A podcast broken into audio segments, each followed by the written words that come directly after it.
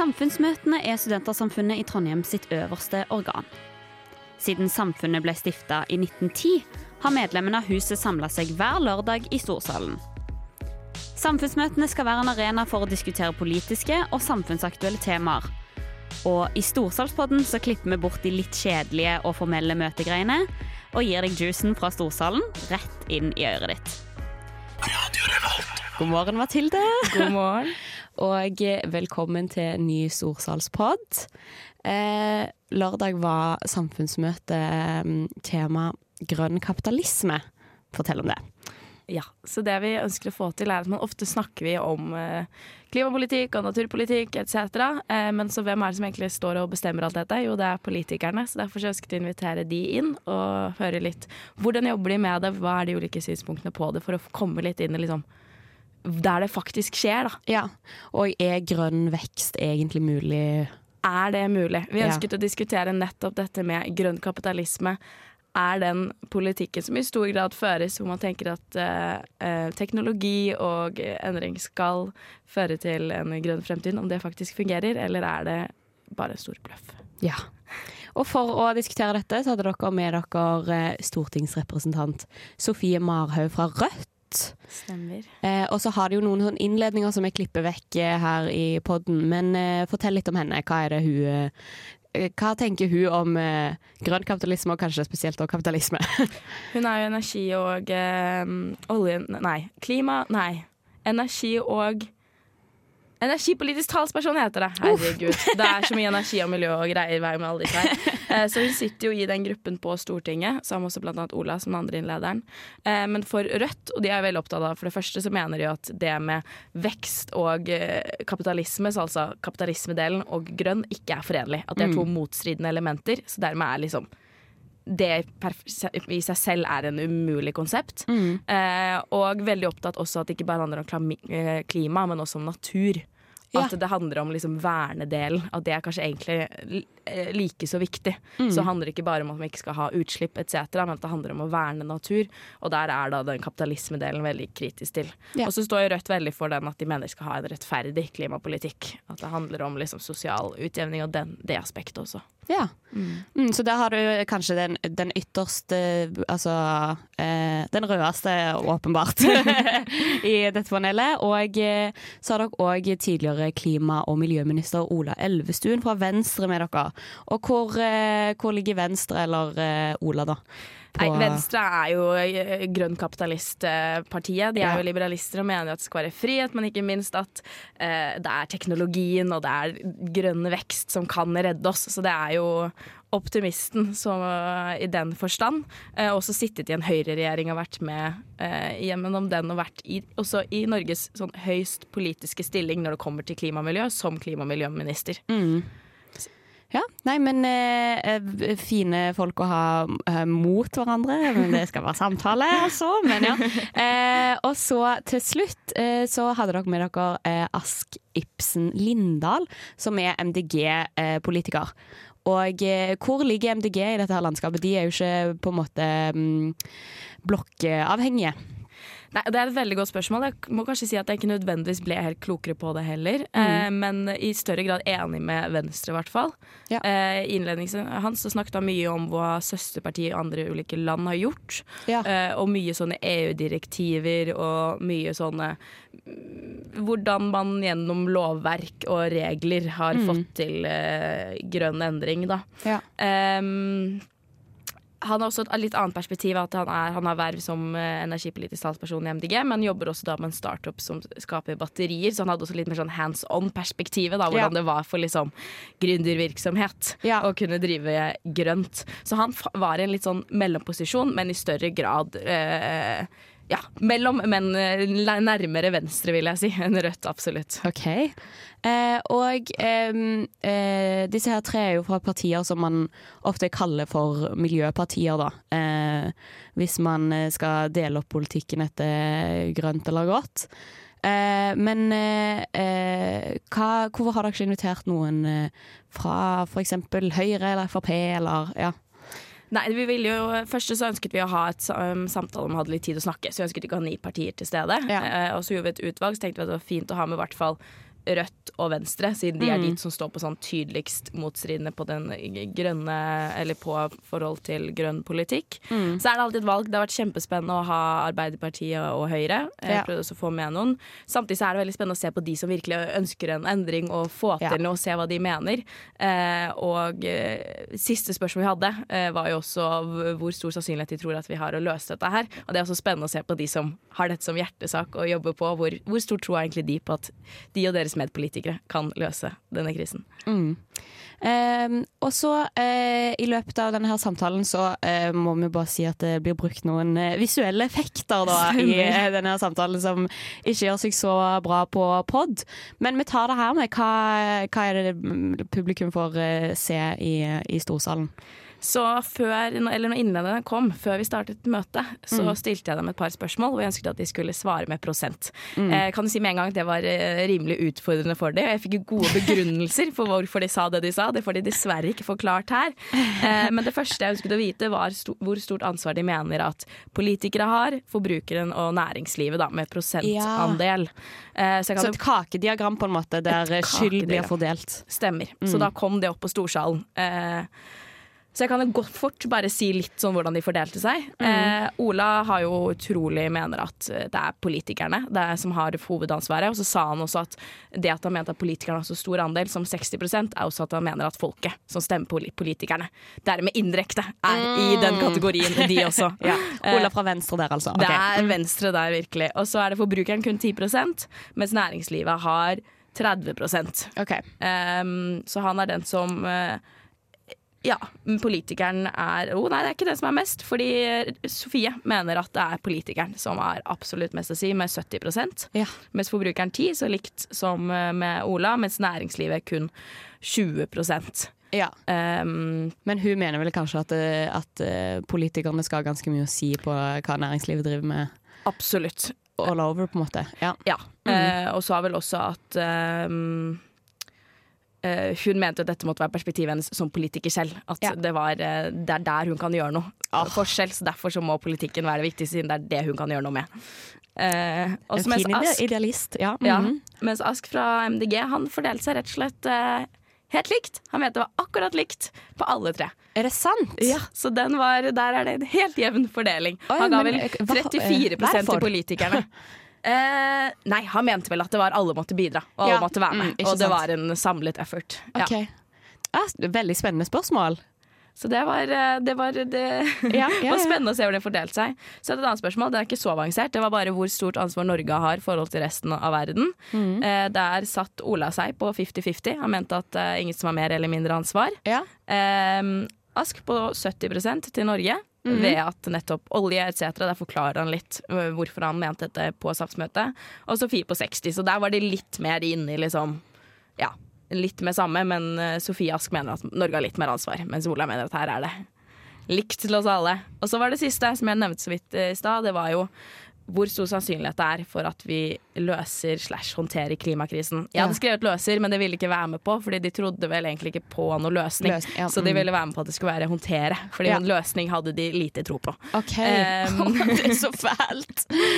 Og der gikk vi fra Det var vel ikke veldig positivt, kan vi vel kanskje trygt si. Vi gikk fra en veldig mildt optimist, eh, som ble kveldens optimist, som var Ola på 60% sannsynlighet for at vi håndterer det. Ja. Sofie på en 40 eh, og Ask på kun 20 Og Ask som Og han satser jo virkelig på disse 20 da, tenker Han jeg. satser siden- på ja. de 20% Wow.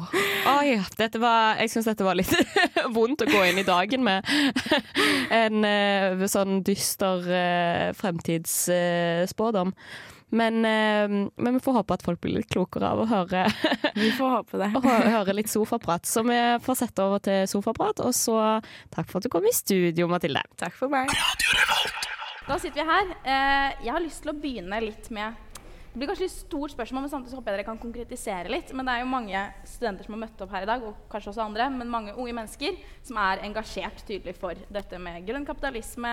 Eh, og det jeg lurer litt på, da, dere som sitter i posisjoner hvor dere jobber med dette som politikere.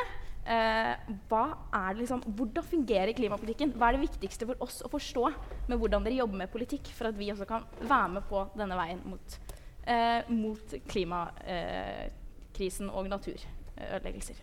Vet ikke om du vil starte, Sofie? Skal jeg begynne? Ja, hø eh, hører, ja, dere hører meg? ja. Nei, altså jeg eh, Dette blir litt respons på de to siste innleggene òg, da. Um, for jeg mener jo at en del av de tingene som eh, mine eh, meddebattanter adresserer eller foreslår, handler jo om å regulere markedet. Dypest sett. Det handler om å begrense kapitalismen. Og jeg mener at i det så er det en eh, innrømmelse av at kapitalismen ikke er egnet til å håndtere verken klimakrisen eller naturkrisen. Og eh, selv om jeg prøvde å snakke litt sånn prinsipielt eh, mot kapitalisme som system, så eh, er jo Rødt positiv til å stogge, altså til å bremse og regulere kapitalismen på mange mulige måter. Det kan handle om å stille krav eh, til eh, det ene og det andre. Det kan handle om å eh, faktisk òg vern. Altså noe så grunnleggende som å si at eh, noen områder eh, er ikke, er ikke lov, skal ikke være lov å eh, rasere eller ødelegge eller eh, ja, osv. Så, så eh, i praksis så tror jeg det dreier seg om å skape brede allianser. Eh, finne konkrete løsninger sammen. Og eh, sånn sett òg, på tross av, av eh, ideologiske skillelinjer, eh, bremse markedet eh, og den eh, forbruksveksten og sløseriet som egentlig kapitalismen skaper. Da. Du har jo hatt den stillingen som kanskje kan si er den politiske høyestående for klima og miljø, som klima- og miljøminister. Jeg kan ikke du fortelle litt om liksom, hva, For at vi skal forstå egentlig, liksom, hva er det politikerne driver med? Veldig mye. Og veldig mye som er enkeltsaker som går og løper hele tiden. Ikke sant? Og da gjelder det også å håndtere de, for de er viktige i seg selv. Masse av dette er, er viktig, enten det, enten det er vernevedtak eller annet. De er viktige i seg selv. Men det er hele tiden å, å huske på hva er det egentlig du holder på med, og er det, hva er de store, definerende sakene som du har framover. Og for min del og det er også en ting. Eh, husk på det at i politikken disse Når du forhandler eh, regjeringsplattformer Regjeringsplattformen er ekstremt viktig. Det du har der, det har du mulighet til å gjennomføre etterpå. Det du ikke har der, i hvert fall når du ikke er det største partiet, så er det på en måte det grunnlag du har for å bygge videre på. Så de er kjempeviktige. Men så er det å, å prøve å ha Hvor store endringer må du faktisk ha? sånn som de neste ti årene. Så den klimaplanen, nå var det Sveinung Rotevatn som la den frem til slutt. Men å få den, det arbeidet det innebærer, både å få den utreda og den faglige utredningen, og så få den jobba igjennom for å sette tydelig strategi fram mot 2030, er sånne kjempestore definerende oppgaver. Det viktigste jeg gjorde, er eh, helt klart, det som ble nevnt her, det er å å klare å få på plass enighet med EU om felles klimamål fram til 2030. Så nå har vi det, ikke bare i det som er industrien og kvotepliktig, nå har vi det også på resten av økonomien. Det vil si at dette er ikke et mål lenger. Da er de 50-55% vi skal ned, det er en forpliktelse innenfor samme regelverket som resten av EU. Og For meg er det en mulighet da å ha en Og sånn tror jeg man alltid skal tenke. At du, har en mulighet til å, å styre utover den perioden du selv sitter. i. For dette må, dette må man følge framover. Ja. Og akkurat som de store eh, også Parisavtalen man ikke, man må ikke undervurdere betydningen av den. Den er, den er ikke i nærheten av så sterk at vi når de målene vi trenger. Men dynamikken som er der, er allikevel den eneste måten verden kan nå de klimamåtene som vi, som vi skal. Så min oppgave der var med å få på plass regelverket for den. Og tilfeldig så kom, fikk jeg regelverket i Parisavtalen og, eh, og enighet med EU forhandla frem på samme torsdag. Det var den viktigste dagen i mitt liv. Jeg har lyst til å, fordi Før når de kom her litt tidligere, så stilte jeg dem et par spørsmål. Jeg ønsket at de skulle svare i prosenter, så før du skal få svare, så jeg har bare lyst til å ta med den inn i samtalen her. Eh, det jeg lurte på, var hvor stort ansvar eh, dere mener at politikere, eh, næringslivet og individet mener jeg at jeg tok. Nå må jeg huske hva jeg selv sa. Forbrukeren, kanskje. Der, vet du. Det var forbruker, selvfølgelig. Eh, og da har vi Ola her oppe, Sofie og Ask, som har svart litt ulikt på hvordan de mener at eh, ansvaret fordeler seg. Eh, men før du får svare, så er det det at det ganske tydelig her er at dere mener dere selv, eller politikere, da, er eh, jæskla viktige, kan man vel kanskje si. Du er den som syns de er minst viktige. Men ja, fortell litt. Ja, oi, fortell hele den greia. Altså, det, er jo, det her er ekstremt sammensatt. fordi klimaproblemet er, et, er ikke på en måte, det er ikke sånn at vi løser det, og så er ting løst, fordi det er et symptom på et større problem, som ble nevnt i sted, altså forbruk. Og hvordan vi forbruker. Så, vi hadde en sånn, eh, sånn eh, gjenbruksindeks, altså hvor stor grad av materialene vi bruker i økonomien, blir faktisk gjenbrukt. Og for Norge så er den på 2,4 eller sånt. Så 97-98% av alt det vi forbruker, klær, betong, alt går i søpla. Uh, for Nederland Jeg bruker Nederland som eksempel mye i dag, men for Nederland så tror jeg det tallet var 26% eller noe sånt.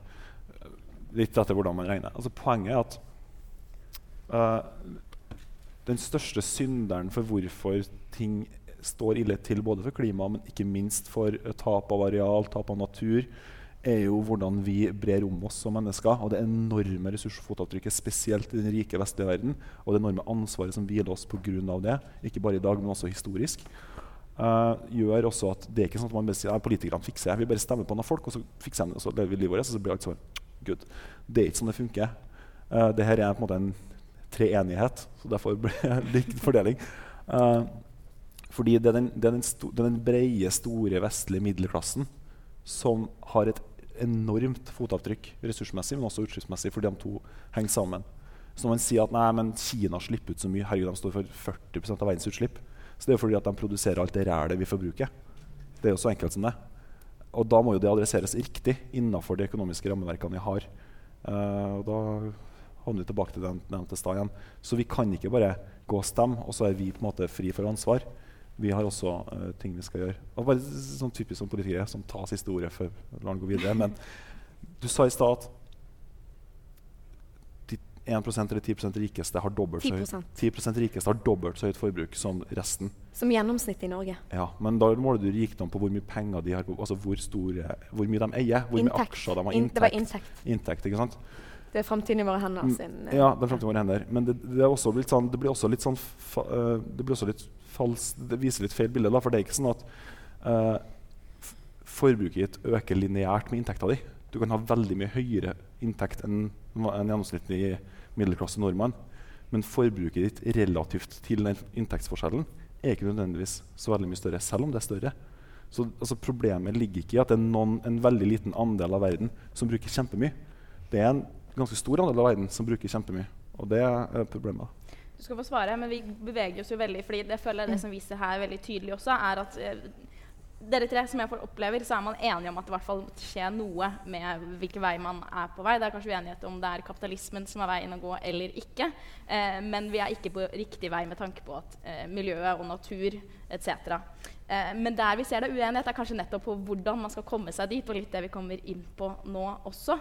Eh, dere kan få svare på dette her, men også gjerne litt den derre ja, altså jeg har jo egentlig mener jeg at næringslivet har mye større ansvar enn det ser ut som. Men jeg mener at, polit, altså, at vi må ta demokratisk kontroll og stille krav. Og, og, altså at politikerne har ansvar for å regulere eh, og begrense eh, det private òg, på en måte. Eh, næringslivet.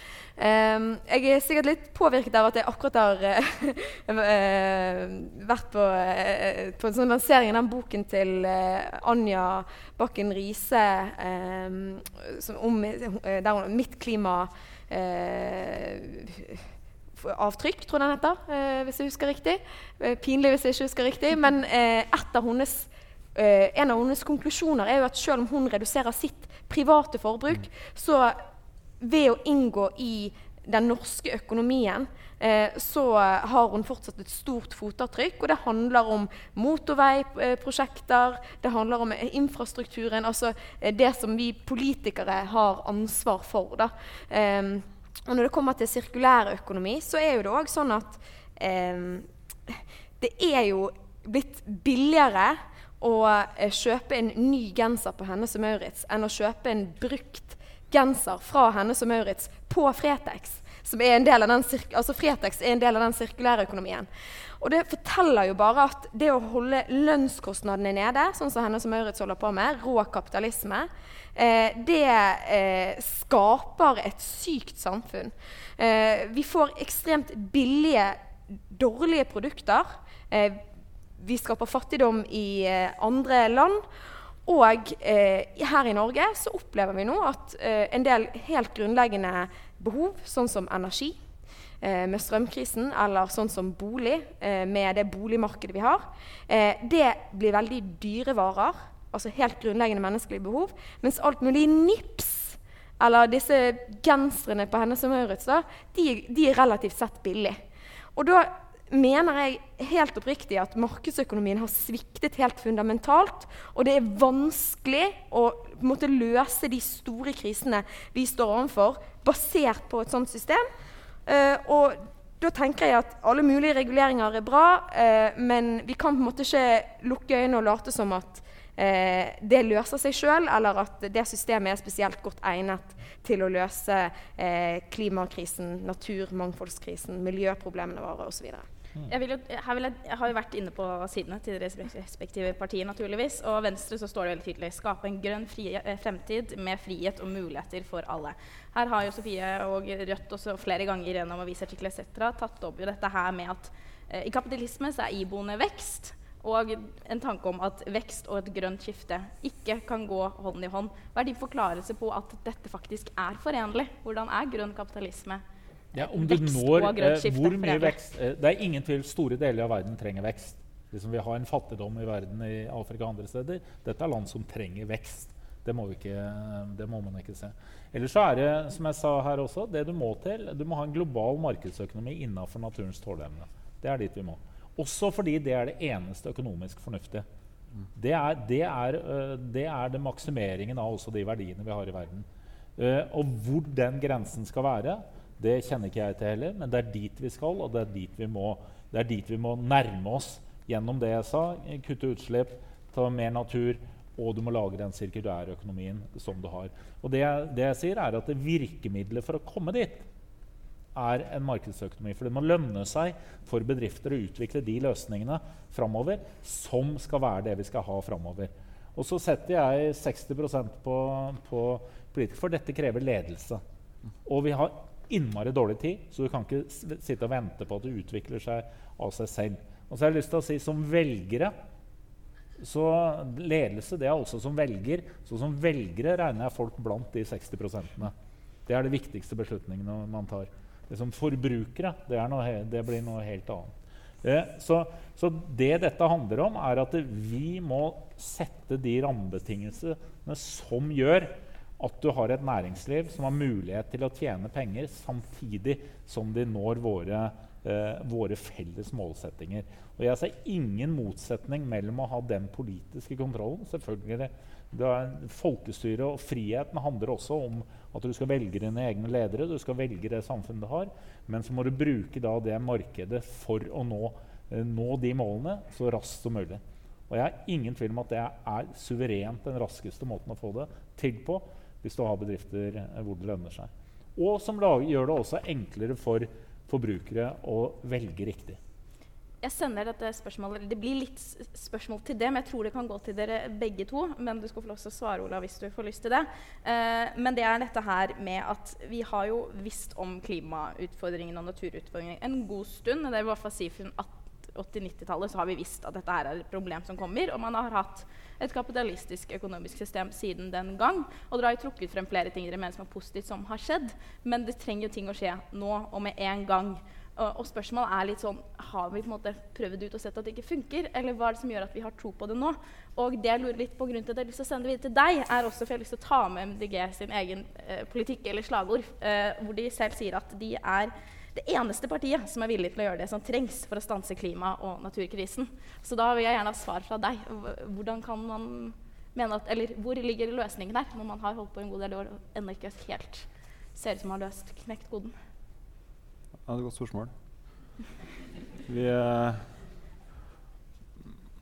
jeg tror det, nærme, altså det, det, det, nærmeste man kommer en, et krysspunkt mellom hvordan sikre demokrati gode samfunn, at alle sett har det bra, at man greier å ha i hvert fall et mekanisme og virkemidler for å gradvis gjøre ting bedre, er jo faktisk Og det, er jo ikke sjølskryt til oss sjøl, men altså de nordiske sosialdemokratiene eh, altså Norge kan jo holde litt utafor, for vi har liksom bare eh, dopa oss så hardt i olje at vi, er, vi teller ikke. Eh, men se Danmark, da, som et eksempel, som har en, eh, en mangfoldig Som har liksom et mangfoldig samfunn, et godt sikkerhetsnett, som gjør det mulig å over tid gjøre de gradvis forbedringene som trengs for å komme seg videre. Fordi ting er ikke gjort over natta. Og som du sier, Vi visste om det siden 70-80-tallet, men det er så utrolig mange ting som har skjedd de årene. Altså, vi har hatt murens fall, vi har hatt uh, Reagan og Thatcher, vi har hatt store svingninger i, altså, i, i fundamentale ideologiske rammeverker for hvordan spesielt den vestlige verden har utvikla seg. Og så har man samtidig fått Kina og India. Altså, det har skjedd så mye da, som, som er den generelle samfunnsutviklinga. Og så skal man samtidig prøve å håndtere det her i en form for fellesskap. Og mens det her problemet dukka opp, så har det jo danna seg det vi i dag kjenner som det globalistiske samfunnet, Det vi faktisk har global kommunikasjon. Vi er som en, en felles organisme. Og det, nå er det, etter Internett og sånn, så er det en felles eh, følelse av at vi er en enhet. Jeg tror det er veldig vanskelig for oss som ble født på 90-tallet, å se tilbake på hvordan ting var før det. Og nå høres det ut som jeg drar det her veldig langt ut i synkmyra, altså, men jeg tror vi må bare, det er kontekster vi ikke kan la være å ha i bakhodet. Men nå, nå har vi, en, vi har et sånn lite vindu av relativ stabilitet da, historisk sett. Og det kan liksom skyte ut i alle retninger, og samtidig så skal vi løse det klimaproblemet. Og jeg tror at det man må hegne om, uansett og aldri så tvil om, og som jeg er veldig redd for nå, både fra ytre venstre og ytre høyre, er at man sår tvil rundt internasjonalt samarbeid. Man sår tvil rundt hvordan man skal finne effektive mekanismer for å få løst det her kjapt og godt. Eh, og så bruker vi opp tida på det i stedet for å løse problemene. Eh, det ble nevnt her altså energikrise og alt sånne ting. Jo, men det er fordi verden er i endring. Og det vil merkes. Det er ikke smertefritt. Men når det da er krefter som går løs på internasjonalt samarbeid, som går løs på alle de verktøyene vi har greid å bygge opp, så kommer vi i hvert fall ikke til å klare å løse det. Så um, det er faktisk den største trusselen nå, som også ble nevnt i stad. Jeg har lyst til å gå til deg. Hva er det som gjør at du har tro på dette her? At vi skal kunne fortsette ved det kapitalistiske systemet når vi har sett at vi ikke har fått det til nå? Fordi det er eneste måten å få rask nok endring. Hvis, skal, hvis, du skal ha revolusjon eller noe helt annet, det har vi ikke Ikke har jeg tro på det, og ikke har vi tid til det. Uh, så, og, og, i, og, siden vi er demokratiske samfunn hvor det vil være ulike synspunkt mellom partier, så er det en eller annen grad innafor et markedsøkonomi som er det som ligger til grunn. Det er det i Norge, det er det internasjonalt. Dette er det vi har å, å jobbe med. Grunnen til at det ikke har skjedd noe tidligere, er selvfølgelig fordi dette er en politisk kamp. Og det har ikke vært noe, det har ikke vært noe, noe flertall for å gjøre de fundamentale endringene tidligere. Eh, både fordi folk i demokratiet folk har stemt som de har gjort, Eh, og man har ikke blitt valgt på den, eh, den, dette. Jeg er, nå, jeg er, gammel nok, så jeg, jeg fløy ikke på 80-tallet også. Kjørte tog overalt av klimahensyn. Men, men, og jeg stemte Venstre også, men Venstre ble jo ikke valgt inn til noe som helst. Så det har noe med at den tidsånden og den kampen hvor miljøbevegelsen er en del av, som partiene er en del av, som forskningen er en del av, som vitenskapen er en del av, at du må få et momentum for å, å få dette til. Og så tok det jo unødvendig lang tid før du fikk den internasjonale rammen og enigheten med Parisavtalen, som først kom i, i 2015. 2015. Eh, det tok ekstremt lang tid. Eh, og så er det for så vidt en dynamikk nå. Det mener jeg. Men utfordringen er om er, dette, er det tidsnok, og er det stort nok. Det vil si at eh, det er som med taksonomien. Taksonomien er kjempebra. Men den styrer egentlig sånn at de som ønsker å investere riktig, de, de, får, et, eh, en, eh, en, de får, en, veivis for hvordan det gjøres. Og du, får, du kommer bort fra all den grønnvaskingen som har hatt tidligere. Men det hindrer ikke at de som ikke bryr seg, kan fortsatt investere like eh, dårlig som de har gjort tidligere. Så, så, det, så, det, er noe med, så du må ha de rammebetingelsene og den, den, politikken for å styre dette riktig. Men jeg mener virkelig at en markedsøkonomi er med på å få, kan være med på å få nok tempo til å få nok resultat. Du skal få svare. Jeg vil bare si at Jørgen Solli kan gjøre seg klar til sitt spørsmål. Eh, fordi det er nettopp det. Finnes det et alternativ? Og har vi egentlig liksom En ting er at er det et alternativ, men er det, er det et alternativ? Kan vi gå en annen vei? Har vi tid til det? Ja, altså, jeg syns det er interessant at uh, Ask her nevner de skandinaviske landene som uh, på en måte fyrtårn for, uh, for andre løsninger. Da. Og det som eh, vi har hatt i de, og til det fortsatt har langt på vei i de skandinaviske landene, er jo en form for blandingsøkonomi. Og veldig ofte så syns jeg jo at eh, folk liksom Ja, hva er en blanding av, da? Det er jo en blanding av og til dels sosialistiske løsninger.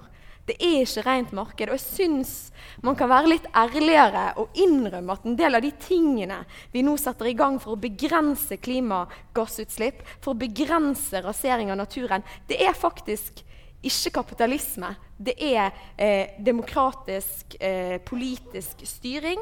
Eh, og det er veldig ofte egentlig planøkonomi, hvis vi skal være helt ærlige med oss sjøl.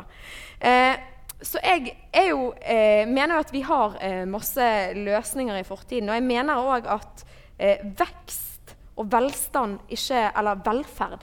Vekst og velferd er ikke det samme. Eh, perspektivmeldingen som eh, din regjering la fram, den legger opp til at man skal ha et, en enorm vekst i privat eh, velstand, mens det offentlige skal krympe. Eh, og da, Det mener jeg er grunnleggende problematisk, fordi det offentlige er godt egnet til å fordele, omfordele eh, de felles ressursene vi har, mens privat vekst eh, er veldig godt egnet til å øke forbruket. Mens sannheten er jo at vi har bygget opp velferdsstaten lenge før vi Eller før vi fant, ikke lenge før, men før vi fant oljen. Og det handler jo om hvordan vi fordeler ressursene. Vi hadde råd til å bygge skoler med svømmebasseng før vi fant eh, det første oljefeltet i 1969. Og da handler jo dette om hvordan vi organiserer samfunnet for å skaffe nok velferd til alle, men ikke eh, for mye vekst og for mye overflod og overforbruk. Eh, og det mener jeg at egentlig mange av de løsningene som folk også på høyresiden peker på i møte med klimakrisen, er en innrømmelse av at vekst ikke er svaret. Men så alternativet er egentlig litt det samme. Liksom, det er ikke et helt annet alternativ. Det er litt det samme Alternativet er en sterk velferdsstat, mindre privat eh, forbruksvekst for de aller rikeste og mer likere fordeling. Eh, kombinert selvfølgelig med at vi, vi, forbruker mindre. Men jeg tror ikke det automatisk betyr at vi skal leve dårligere liv, da. Hadde du en kommentar, Ole? Nei, vi skal nå FNs bærekraftsmål. Så da er dere egentlig enige alle sammen? Er det, er Vi er ikke Nei, jeg- nei, men Der vi er uenige, er at jeg, jeg klarer ikke hva skal vi si, er ikke, At du har reguleringer, det handler om å, hvor er det du styrer, hvor er det økonomien går hen.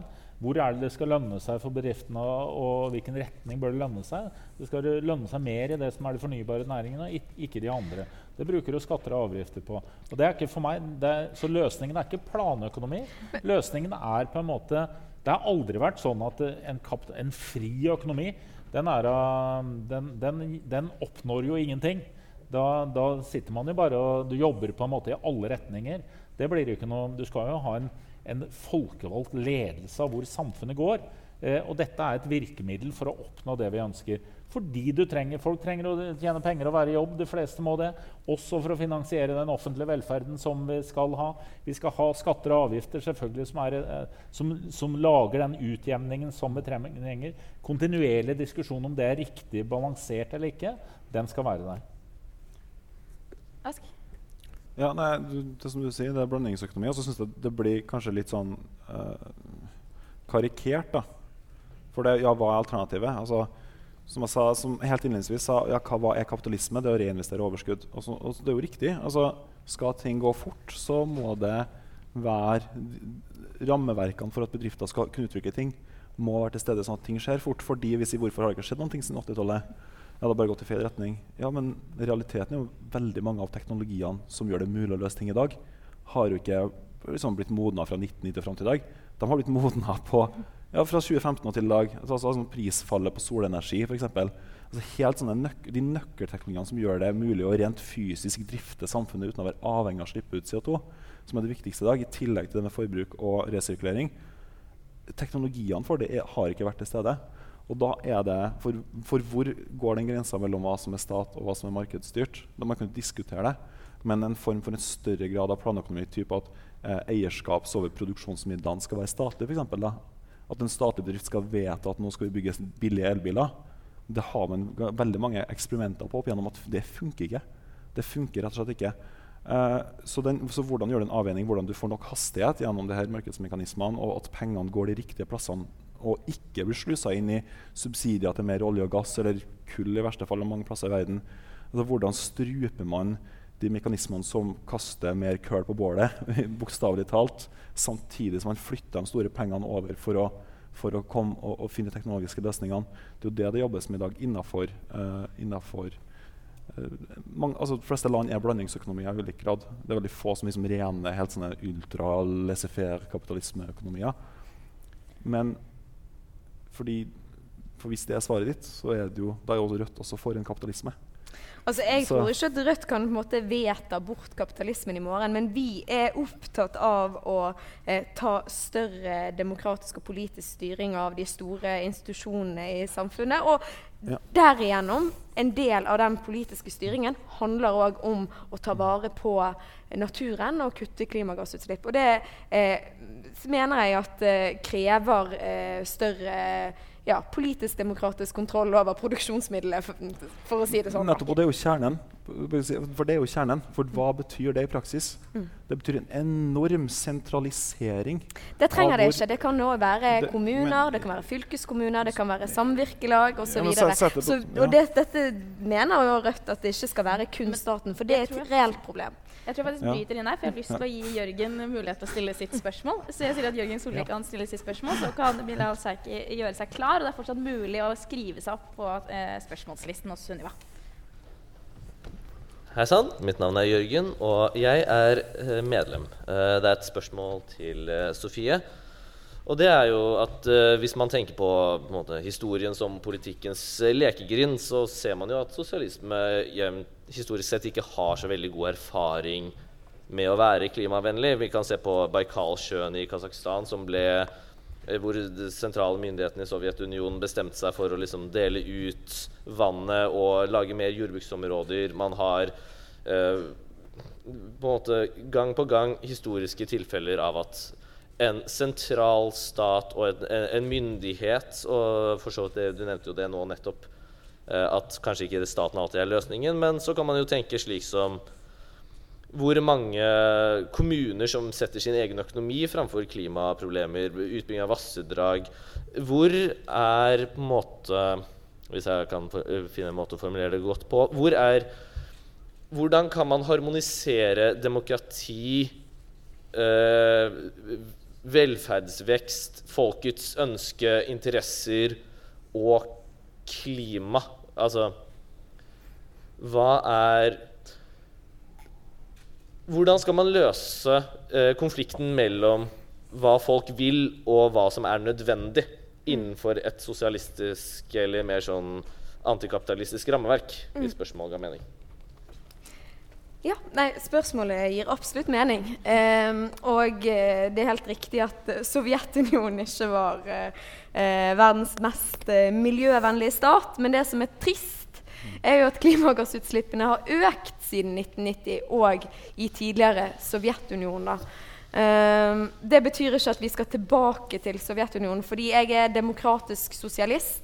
Jeg ønsker demokrati. Jeg tror vi er nødt til å ha demokratiske løsninger eh, på klimakrisen. Jeg tror den eneste måten eh, Ja, eh, måte, vi er nødt Selv om det er helt Det er vanskelig, men vi er nødt til å forene demokrati og eh, løsningen på klimakrisen og naturmangfoldskrisen.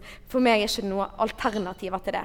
Eh, og da har du hele tiden denne spenningen mellom måte, hva flertallet i befolkningen vil, eh, og eh, hva, som er, hva, som funker for å redusere eh, klimagassutslipp.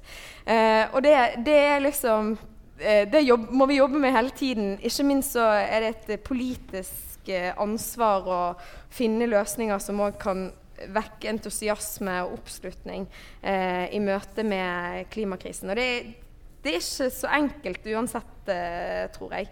Eh, men eh, jeg mener jo at, at vi ikke har noe alternativ. Og, når det kommer til kommuner spesifikt, så tror jeg en del av det F.eks. Eh, kommuner som ønsker å bygge ut eh, vernede vassdrag, for å ta det. Det handler jo om dårlig kommuneøkonomi òg.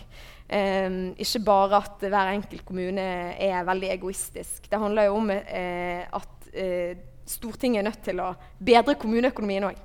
Eh, så ting på en måte henger sammen med hverandre. Men, men det er et veldig godt spørsmål som er liksom i problemstillinger som jeg mener både Rødt, men òg andre partier eh, er nødt til å tenke over. Så Smola, ja, jeg bruker sånne enkle regler i forhold til eh, kommuner. og det er eh, Vi skal være veldig for at kommunene skal ha mye å si. Eh, men jeg følger på enten det er, eh, det er utbygging, enten det er vindkraft eller det er, eh, det er, andre ting, så er det En kommune skal ha rett til å si nei bare fordi det er imot. ikke noe annet. Men om en kommune sier ja til en utbygging, så skal vi passe på at uh, da skal vi likevel si nei hvis det går utover nasjonale interesser eller det går utover regionale verneinteresser.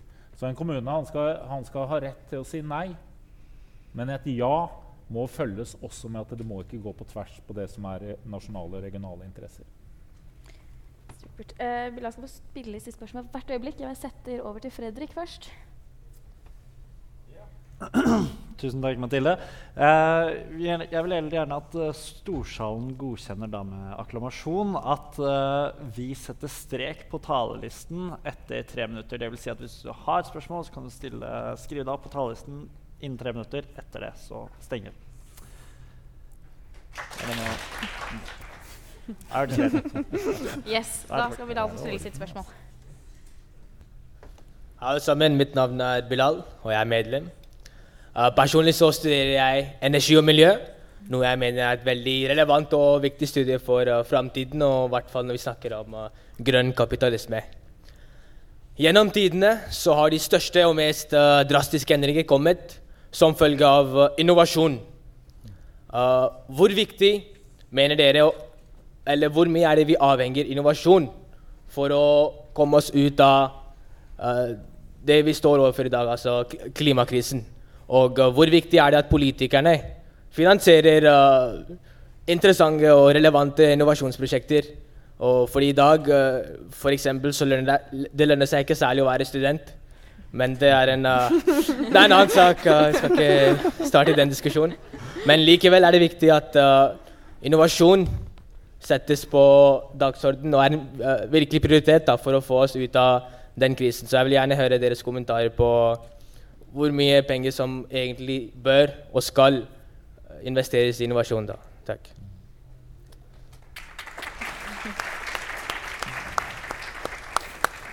Du får ja. kalle det. Ja, nei, innovasjon er helt avgjørende. Særlig når vi kommer på det med sirkulærøkonomi, så er vi ikke i nærheten av å ha de løsningene og ideene som du trenger for å, for å holde denne ressursbruken nede og holde oss innafor eh, naturens rammer. Akkurat det samme vil det være innafor innenfor eh, fornybar energi også. At du, du, trenger virkelig dette. Ser vi på Norge, så har vi eh, jeg mener vi har et ganske godt virkemiddelapparat. Dvs. Si fra Forskningsrådet til uh, Innovasjon Norge, der du har forskjellige Det er miljøteknologiordner, det er grønn plattform, det er ganske mange forskjellige der. Og til Enova, som også er, er et virkemiddelapparat. Og du har også, du har også Nysnø utafor der. Alt dette trenger flere flere større midler. De er økt ganske betydelig de siste årene, men det trenger fortsatt midler. Og så trenger vi også det europeiske samarbeidet, sånn at vi er, norske bedriftene er en del av også de finansieringskildene og de samarbeidene som er ellers i Europa. De er store, vi betaler inn, men vi får også minst like mye ut. Og så må du satse på forskning og høyere utdanning. Er dere enige? Eventuelt har noen legge til en kommentar? Jeg kan si helt kort at jeg eh, er nok kanskje ikke så ekstrem teknologioptimist. Hvem skulle trodd? men, uh, ja, uh, men jeg tenker at teknologi og innovasjon kan brukes til å løse klimakrisen, men eh, det kan òg brukes til å forsterke klimakrisen. Eh, så ja, det er min holdning til det. Du er fornøyd med Olas svar, eller? Ja. Ja, for det første så det lønner seg på sikt å være student. Uh, uh, men det er litt, det er litt artig. Altså, jeg jobber til daglig som ingeniør i en bedrift. Vi, vi lager teknologi. Det er jo, og vi er avhengig av de eh, ordningene som eh, Ola nevnte her. Eh, helt, helt det, pluss privat investeringskapital. Altså statlig drahjelp pluss privat investeringskapital.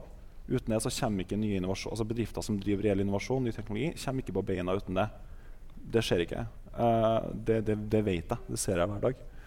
Um, og, og altså, vi må ha det. Og, og, og, det handler kanskje ikke om hvor, at man bruker masse penger, men at pengene brukes riktig. Og det er mente i sted, også, Vi bruker enormt mye penger i Norge på å investere i videre satsing på fossil energi. Offshore på norsk sokkel så investeres det hvert år ca. sju ganger mer enn det investeres i hele den norske landindustrien hvert år. Og Det har ingenting med kapitalisme å gjøre, men det handler om, statlig, det handler om politisk styring. Og vi kan løse utrolig mye. altså med de, all, Vi har alle verktøyene lagt opp på et bord foran oss. Alle teknologiene. Vi kan løse alle problemene. Men det handler om politisk prioritering. Og det å snakke om at vi skal som du sa, en, en, et helt annet system, eller at, at fylker og kommuner skal ta over bedrifter og styre økonomien, eller et eller annet sånt, det er et totalt sidespor. For vi har hele bordet dekt opp. Og da skal vi ikke kaste bordet på sjøen. Liksom. Vi skal vi, bestemme oss for å bruke verktøyene våre riktig. Ja, men det ja. som er morsomt med det, er jo at uh, når noe er ulønnsomt, så kommer staten inn for å hjelpe. Og det er jeg for, da. For jeg, jeg er ikke mot staten, da. Jeg tror at uh, man òg må bruke måtte, offentlige muskler da, på ting som ikke nødvendigvis er lønnsomt, men som er riktig å, å satse på. Det kan være ny teknologi. Og så vil jeg også si at jeg òg liker veldig godt uh, Spice Girls. Så er det sagt. Vi lar da Nina Salvesen komme opp og stille sitt spørsmål. Yes, hallo. Jeg heter Nina. Hører dere meg? Ja, der, ja. Eh, dere er jo på en måte det, i bunn og grunn enige om problemet og endemålet. Eh, og så sitter dere og er litt uenige i hvordan man skal nå frem dit. Uh, og dere er jo, vi må jo også huske på at i dag så er det jo disse tre partiene som er blant de kanskje mest klimabevisste. Vi mangler jo en annen del av spekteret som er litt mer konservativ på den delen. Um, og dere får si fra hvis dere er uenige med meg, men jeg, hører, jeg syns det synes litt som at man bruker mye tid på å diskutere hvordan man skal løse klimakrisen, så man havner i en sånn middelvei hvor man egentlig ikke ender opp med å gjøre noen ting, for man er ikke enig om hva man skal gjøre. Uh, eller man får ikke gjort nok. Man gjør ting, men ikke nok, rett og slett. Um, hadde det rett og slett vært bedre, fordi det er jo ingen som vet hva som er svaret på å løse klimakrisen. Rødt vet ikke, Venstre vet ikke, Høyre vet ikke. Altså, det er ingen som har fasiten. Hadde det vært bedre å bare satse alt på én ski og bare prøvd én metode, istedenfor å sitte og krangle om hvordan, og ikke ende opp med en strategi i det hele tatt. Uh, og da ønsker jeg å utfordre dere på um, Kanskje i prosent, hvor villige hadde du vært til å gitt opp på en måte din metode for å kunne liksom redde naturen og klimakrisen, og heller gått med din motpartsmetode isteden? Det lurer jeg på. Takk. Yes, da skal vi ha prosenter.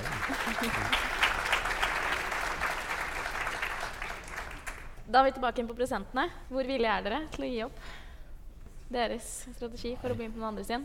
Er det noen som tør å vise ut dette? Jeg syns du, Ola, du ser ut Nei, dette er jo egentlig dere som velger. Vi, vi stiller til valg. eh, og, så, og, så, slåss jeg med den størrelsen jeg har. Så mener jeg vi i Venstre har vært ganske gode til å få til mye med den posisjonen som jeg har, men det er, det er jo sånn dette er. Og så gir jeg ikke Og jeg mener jo at, har, at vi har riktig standpunkt. Og vi har en strategi. Den gikk i Stortinget i fjor, fram mot 2030. Og vi har en juridisk forpliktelse i enighetene eller samarbeid med EU. Og vi har en juridisk forpliktelse i Parisavtalen. Er også, dette er ikke bare mål lenger. Dette handler om at vi skal gjennomføre det. Men så er det ikke noe tvil om at dette er en, det er, en, det er også en politisk kamp hver, hver gang det er i Stortinget. Hvert budsjett er en politisk kamp. Eh, samtidig, og det er noe med at eh, vi må klare å, å holde du, liksom, i politikk er også djevelen ligger i detaljer, så du må bry deg om, bry deg om detaljene. Samtidig som du klarer å ha det store blikket eh, og, at, eh, og det fokus på at du må komme langt nok innen 2030. Og for meg det er 55 ned utslipp i Norge innen 2030. Og det har jeg tallene på og hvor mye som gjør det innen petroleumssektoren. Og de ulike. Der kom prosentene på klimamålet, Ja. og ikke på ja. Nei, altså jeg trodde jeg var invitert til et møte i Studentersamfunnet, og ikke en lek med nødt sannhet og prosent. Men jeg skjønner at jeg eh, har tatt feil. Nei, men, nei, men eh, det er et morsomt spørsmål. Og jeg tenker at um, eh, tross alt også klarer vi av og til eh, de partiene som er opptatt av klima og natur, å samarbeide eh, om ting. eh, Og eh, stemme mot eh, leiting etter mer olje, f.eks. Eh, nå på Stortinget sist.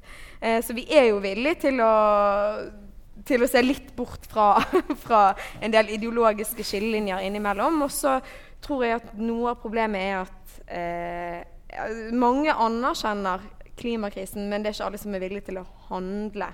Eh, og da får man en sånn ja, eh, Sånn føler jeg at Stortinget er litt nå. Særlig Høyre og Arbeiderpartiet er jo partier som nå er ikke de her til å forsvare seg, da, men eh, det er partier som eh, i hvert fall eh, sier at klima, klimaendringene eh, eksisterer osv., men de gjør på en måte ingenting med det. Og det tror jeg skaper faktisk en viss type politikerforakt. Eh, og det er veldig skadelig for klimasaken. Du får en veldig liten Ja, det er egentlig at det er, for det du, be, det du spør om, er egentlig hvor villige er vi til å inngå kompromisser. Eh, og det vil jeg alltid mene at det er bedre å inngå et kompromiss og få til noe enn å stå ren og rank i et uh, hederlig nederlag. Jeg tror vi går videre til neste spørsmål. Skal du få lov til å svare først på det neste? Eh, da skal Sigurd Skogum Riise komme opp og stille sitt spørsmål. Ja, hallo. Eh, egentlig mitt spørsmål er ganske enkelt. Eh, og dette kan jo selvfølgelig forstås i en bredere kontekst enn bare miljø, selvfølgelig, men eh, dere får tolke det i miljø. Eh, nå har vi jo hatt eh, kapitalismen i, det, i den varianten den er i nå i, i 100 år, og vi har visst om klimakrisa ganske lenge.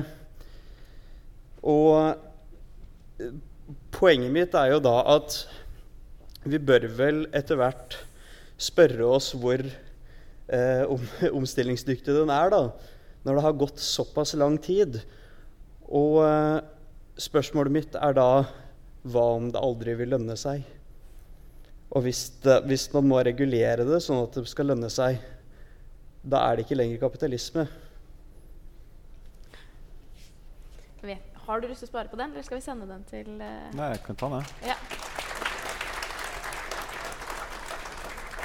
Skal du gi deg ut på den nøtten?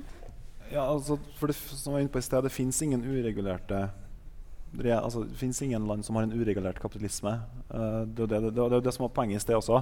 Det er ikke spørsmål om man altså, Konseptet kapitalisme kommer alltid til å være der. Uh, litt etter hvordan vi definerer Men med definisjonen jeg hadde i sted, da, så vil konseptet kapitalisme alltid være der. Um, så det handler altså om hvordan man regulerer, hvordan man bruker det her doboret med oppdekte verktøy. Hvordan sørger man for å få den fortgangen man trenger. Og det er det, det er det man skal velge politikerne. Og du skal velge de politikerne som er tydeligst på hvilke virkemidler de er villige til å ta i bruk. Eh, og som var inne på i sted, klimagassutslippene er en, et symptom, en konsekvens av et mye større underliggende problem. Og nettopp reguleringa på det som handler om forbruk, altså eh, varers levetid altså Ja, produsere varer, men de skal være, holde en viss kvalitet. De skal være designa fra start til å være 100 resirkulerbare. resirkulerbar. Og det her er reguleringer som over lang tid har vært jobba fram, og som igjen, bl.a. takket være den grønne gruppa i Europa i, i EU, så har det kommet lovgivning på uh, det man kaller økodesign. At du skal designe ting i produksjon for at det skal være veldig enkelt å både vedlikeholde, reparere og resirkulere ved varers, varers eh, slutt på levetid. I tillegg til at det kommer måter å resirkulere. For det koker ned til det er hvordan de konkrete materialene vi henter opp fra bakken og forbruker. At vi, vi skal ikke forbruke materialer, vi skal bruke materialer og skal brukes på nytt igjen. Og du kommer ikke rundt et, et felles rammeverk som favner over tilstrekkelig mange land under et felles rammeverk før du får det til å skje. Og da kan du få en kapitalisme som over tid gjør at vi får den viktige sirkulærøkonomien, at vi får ned utslippene. At det er iboende i hvordan vi produserer ting, hvordan vi bruker ting. Men da må man ha sterk regulering, og da må man ikke skape det her at vi sitter og krangler litt uh, oss imellom de her uh, mest engasjerte partiene, men at man er enig om hvilke verktøy i verktøykassa er man villig, enig om å bruke innenfor de her økonomiske regelsettene vi må operere etter. Supert. Mm. Da går vi videre til Sunniva, som har et spørsmål fra publikum.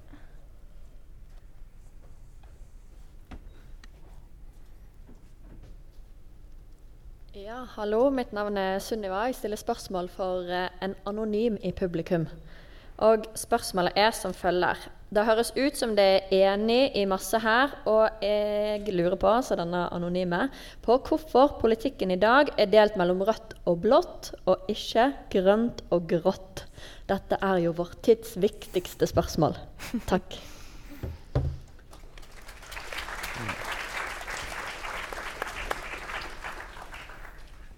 Ja. Hvorfor er det delt som det er? Men det er jo fordi det er, det er, forskjellige skillelinjer i politikk. Det kunne jeg sagt. at det er Både økonomisk, som vi her, og andre. Men det andre er at eh, skal du få noe gjort, og så er det som et mindre parti, så må du som regel forholde deg til noen du ikke liker. Ellers så sitter du ikke i posisjon. Så problemet for de grønne partiene på Stortinget er at hvis du lager det skillet, så har vi til sammen ingenting å si. Så du, så du, må søke posisjon for å ha mulighet til å gjøre noe. Og Venstre har gjort det. Eh, I tre, tre, ulike regjeringer i forrige periode. Denne gangen hadde de ikke. Men det er på en måte den, det er den politikkens vesen som gjør det. Og så må det være om det kommer til å endre seg framover. Det tror jeg er vanskelig å si. Eh, men du ser ute i Europa så ser du at eh, at, og det er det ulike årsaker til. Og det er ikke bare, slett ikke bare miljø. Det kan være på ytre høyre fløy og, og andre. At, det, at, du har skifter i partisystemene som gjør at ting veksler. Det har ikke skjedd i Norge ennå. Om det kommer, det tror jeg vi skal, det kan det gjøre. Eh, men jeg skal ikke si når eller hvordan. Men det handler om som parti må du søke å ha noe å si. Og da må du som regel gå inn i forhandling med noe som du ikke er enig. Eh, Carl Tines kan gjøre seg klar til sitt spørsmål. Jeg har lyst til å eh, slenge inn et lite spørsmål. Og her skal vi leke en lek som ikke er ikke, Vi skal ikke leke en lek, men eh, dere skal være med på Sannhet. det er, eh, skal utfordre som politikere at dere svarer litt kort. Det mm. mener jeg er en lek for politikere. Um, og det er rett og slett fordi vi snakker veldig mye Jeg har også gjort det med spørsmålene mine, men vi snakker mye fortid, fremtid, store linjer. Eh, og så har det blitt nevnt litt gjennom dagen. Det er strømkrise. Det har vært ekstremvær her i Trondheim og i større deler av landet. Mm. Vi har en koronapandemi, og vi er trøtte av tiltak. Jeg, fant, jeg tok denne screenshoten av NRK. Nå sitter så vi litt i skyggen her, det gjør Ola, men det får jeg til. En ting er bilder av et tak som er drevet av i Melhus, tror jeg det var, og eh, hvor stort vær. Og så har vi siste, tidenes største handelsoverskudd i 2021, som foregår samtidig. Så det er mye som skjer i den tiden vi er i akkurat her og nå. Uh, og mitt spørsmål er liksom, Hva mener dere er det viktige her og nå for liksom make it or break it fremover? Hvor er vi i politikken nå? Hva er det dere mener er liksom det viktigste forhold til grønn kapitalisme, grønn skifte, eh, klima og naturvern akkurat her og nå? Hva er det liksom pulsen i tiden? Der vi er kommet kortest, og der vi trenger å ha størst endring, er på natur. Der driver vi fortsatt bare og og, og, og du, du, slåss imot en negativ utvikling. Eh, men der må det et, et, helt annen tenkning inn i Norge for å ta inn over seg dimensjonen og størrelsen på det, på det vi må gjøre for å ta vare på natur. Er du enig? Er det natur? Det er eh, til, til, dels eh, Den mest miljøvennlige energien er den vi ikke bruker. Mm. Uh, og det handler både om klima og natur. Og da mener jeg at uh, det viktigste vi gjør, er egentlig å um, redusere forbruket på en eller annen måte og sørge for at det som er igjen av forbruk, fordeles på en rettferdig måte. Har du et kort svar, du òg? Nei, den siste tar det. Du er fornøyd? ja. Da kan vi gi Carl Tynes eh, at han kan få lov til å komme opp og stille sitt spørsmål. Hei, hei. Så i, da har nå blitt snakket veldig mye om til hvilken grad man skal prøve å gjøre kapitalismen grønnere, eller om man skal svekke kapitalismens rolle i samfunnet. Så da er mitt spørsmål hovedsakelig til Ola og Ask. hvis vi skal satse på å gjøre kapitalismen grønnere, til hvilken grad skal det gjøres kun ved uh, gebyrer, skatter og rett og slett regler på hva, hva, hva, markedet skal få lov til å gjøre i seg selv? Og til hvilken grad skal staten aktivt gå inn? Skal staten investere på grunne tiltak?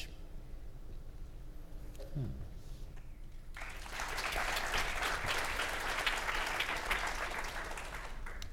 Ask, du må bruke hele virkemiddelapparatet. Påbud, forbud, støtteordninger, miljøavgifter, merkeordninger på det så det gjør det lettere for forbrukere å velge riktig. Internasjonalt samarbeid inn i, med Europa. Stille krav til bedrifter også utafor Norge, så stille krav i hele verdikjeden. Det trenger vi å gjøre med, med andre. Så du må virkelig bruke alle virkemidlene. Og det som er utfordringen, er å få dette til å dra i samme retning. Også sånn at bedrifter fortsatt har mulighet til å utvikle seg og tjene penger mens de er med på å drive fram det vi trenger for å løse det vi, det vi står i. Har du noe legge til? Hotel? Ting må prises riktig. Nå begynner det å skje med utslipp. Utslipp begynner å prises riktig, og vi må også prise riktig. Jeg synes Det med klær i stad var et kjempegodt eksempel på hvor man kaller man en upris eksternalitet. da vi har ikke prisa inn at det i praksis er slavedrift som produserer billigklærne våre. Det, det, ligger ikke inn i regnskapet når vi går og handler. Og det er fordi at man ikke har prisa det inn. Uh, så man må prise inn de reelle kostnadene for ting, for ræl, rett og slett. Uh, og så må bedriftene som lager gårsdagens løsninger, som produserer fossil energi, de må dø. Og så må alle de gode bedriftene, alle de nye eh, teknologiene, må gis full kraft. Men det må gjøres smart, det må gjøres riktig. Og det må gjøres eh, Det er sånn stygt å si det, men som, som, Ola sa, det må skje innenfor en form for markedsrammeverk som er tydelig styrt, overordna, som har helt tydelige rammer, og som har like regler for alle sammen. Og aller sist, det viktigste at vi må hegne om og aldri rokke. Vi aldri henge oss på bølger som vil kjempe mot internasjonalt samarbeid, samarbeid mellom land, og som sender oss inn i forrige århundrets svøpe med konflikter fordi vi får en idé om at nå er det knapphet på ressursene. Fordi det vil bli perioder med en opplevd knapphet på fossil energi, f.eks. For eksempel, fordi vi må kvitte oss med det. Og det er det vi har sett nå med strømkrisa. I hovedsak så skyldes den at prisen på gass har økt med 20-gangen. Fordi at Russland har stengt kranene og alt det har gått om. Det viser hvor avhengig vi er i dag av fossil energi. Det har ikke handla om utenlandskabler egentlig, eller om fornybar energi. Det handler om fossil energi og hvordan vi er avhengig av den i dag. Men likevel så har debatten handla om splid og splittelse og motstand mot internasjonalt samarbeid, som vi er helt avhengig av for å komme videre. Det er det jeg frykter mest. Uh, som dessverre var et altfor langt og ikke relevant svar på spørsmålet. Har du et relevant svar? Nei, bare strømpriskrisen. Altså det, det, mest populære kravet eh, er, eh, handler ikke om internasjonalt samarbeid eller ikke. Det store kravet der ute er makspris på strøm, og det handler om å regulere markedet. Eh, så det er det som er ute i folkedypet akkurat nå. Eh, jeg har heller lyst til å eh, Fordi jeg har spurt om litt flere ting. Vi må gå litt fort enn ennå, men det tror jeg går helt fint. Men eh, siden vi snakker så mye om internasjonalt samarbeid Nå peker jeg kanskje feil vei? Nei, vil ikke videre nå. Ja, ja. Jeg spurte de i hvert fall om hvor stort ansvar de mener Norge har kontra resten av verden ja, hvis VK kan ta neste, så er det nice. Hvis ikke, så overlever vi uten. Um, konklusjonen var i hvert fall det at uh, det var uh, du som mente Norge hadde mest uh, ansvar. Resten gikk vel på 50-50. Det handlet vel om verden og Norge. Um, hvorfor mener du at Norge har et større ansvar? Altså, jeg mener i utgangspunktet at liksom i utgangspunktet har vel alle like mye ansvar, men Norge har et litt større ansvar fordi Eh, vi er en så stor eh, oljeprodusent eh, og, og, bidrar sånn sett til eh, større klimagassutslipp totalt sett enn eh, veldig mange andre stater, og fordi at eh, vi er et rikt, rikt, land. Så jeg mener at vi har et litt større ansvar. Og jeg mener òg at i Norge så er det noen som har mer ansvar enn andre. Det er det korte svaret på det. Takk. Da går vi videre til Katja Brøholt, som har det siste spørsmålet fra salen i kveld. Hei. Uh, det spørsmålet mitt passer egentlig veldig bra med det dere nettopp snakket om. Fordi nylig la jo uh, regjeringen frem 53 nye oljeletingslisenser. Noe som jeg er veldig imot. Vi er et av verdens rikeste land. Vi trenger ikke tjene mer på eh, økonomiske valg som har katastrofale konsekvenser for klimaet. Eh, jeg lurer da på, til dere som tror at kapitalismen er en, en del av løsningen videre, hvordan vi som et land som har utrolig mange ressurser, utrolig sterk økonomi, fortsatt tar veldig dårlige valg eh, kampen, i kampen mot klimaendringene. Hvordan vi kan forvente dette fra land som ikke har disse ressursene eller økonomien. Hvordan kan vi stå her og hevde at vi er alle imot, i kampen sammen imot klimaendringene, når vi ikke tar radikale valg som vi kan ta? Takk for meg.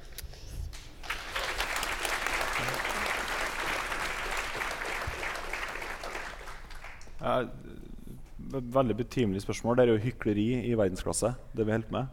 Vi sier at vi skal løse klimaproblemene, og så gønner vi som jeg sa i sted, sju ganger så mye investeres på norsk sokkel i olje og gass som i hele den norske fastlandsindustrien.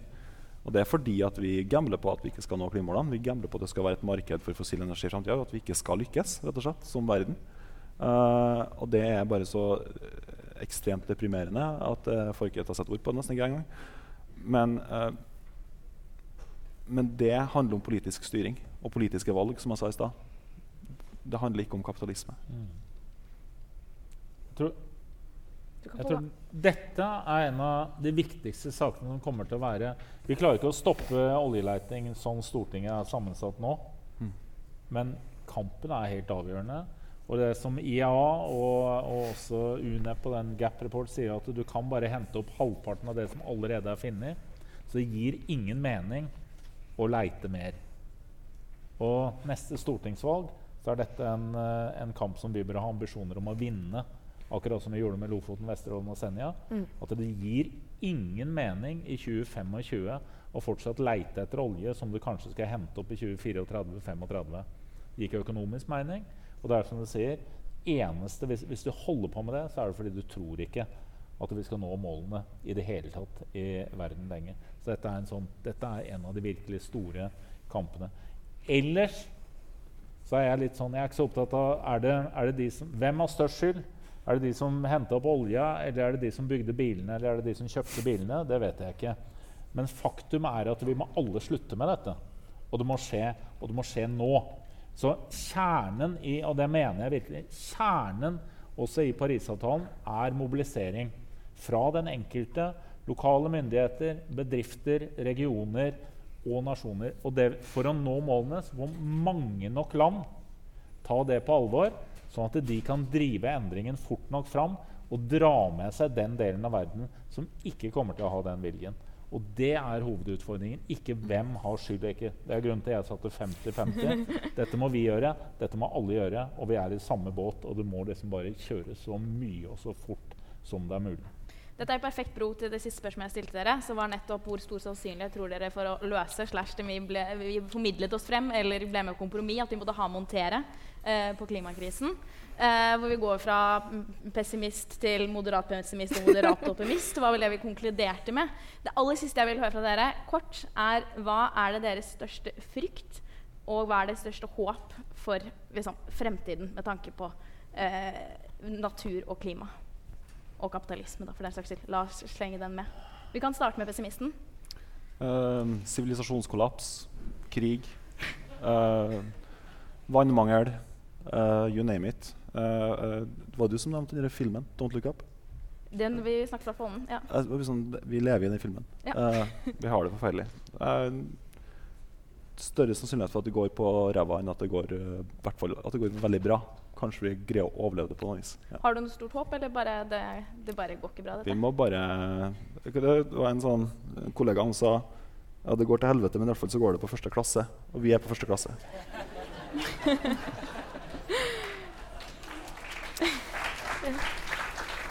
Eh, ja, nei, jeg er, jeg, altså, jeg er nok pessimist. Jeg har, altså, det er noe med at hvis, eh, hvis man har en viss frykt for noe, så eh, Uansett hvor sannsynlig eller usannsynlig det er, så kan av og til den frykten overskygge på en måte uh, realismen. Da.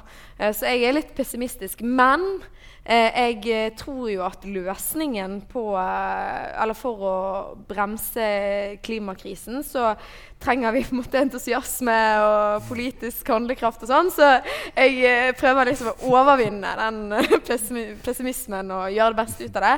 For jeg tror ikke egentlig vi har noe alternativ til det. Hva er din største frykt og største håp, Ola? Vi må ha tro på at det går, og, og at vitenskapen er rett. At du kan få til endring raskt nok. Og jeg mener at hvis vi ser ute i verden, så er det veldig mye som skjer. EU ligger helt i, i førersetet med mange bedrifter og annet. Så det er, og det er mye teknologiutvikling og, og endringer. Det er som, og som jeg sa, I desember ble det solgt like mange elbiler som dieselbiler i Europa. Det var ingen som ville trodd for uh, fem år siden. Det, så det skjer mye. Og ikke minst også på forståelsen av betydningen av, av natur. Og så, det, og så skal man huske på det at det, hvis det blir en holdning at det ikke hjelper Det er veldig mange nå som tidligere var klimafornektere. Og så er det ikke fornektere lenger. Men de går rett over i holdningen ja, men det hjelper ikke allikevel. Og det hjelper i hvert fall ikke hva vi ikke gjør.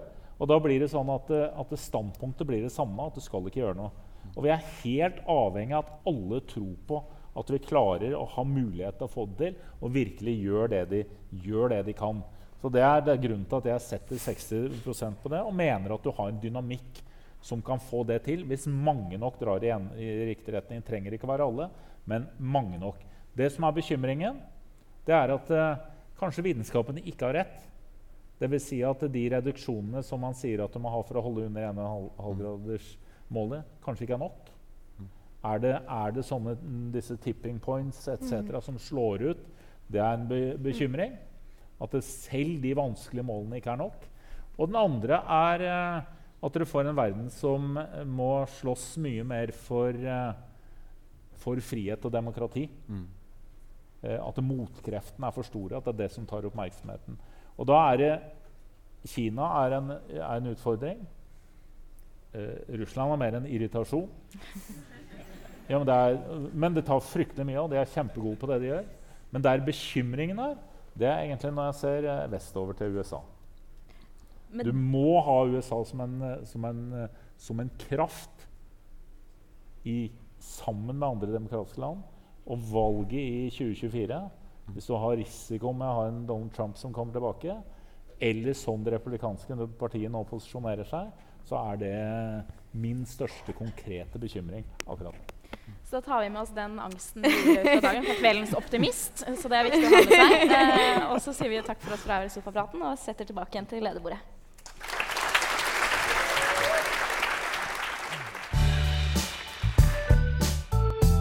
Du har lyttet til en podkast på Radio Revolt, studentradioen i Trondheim. Sjekk ut flere programmer på radiorevolt.no.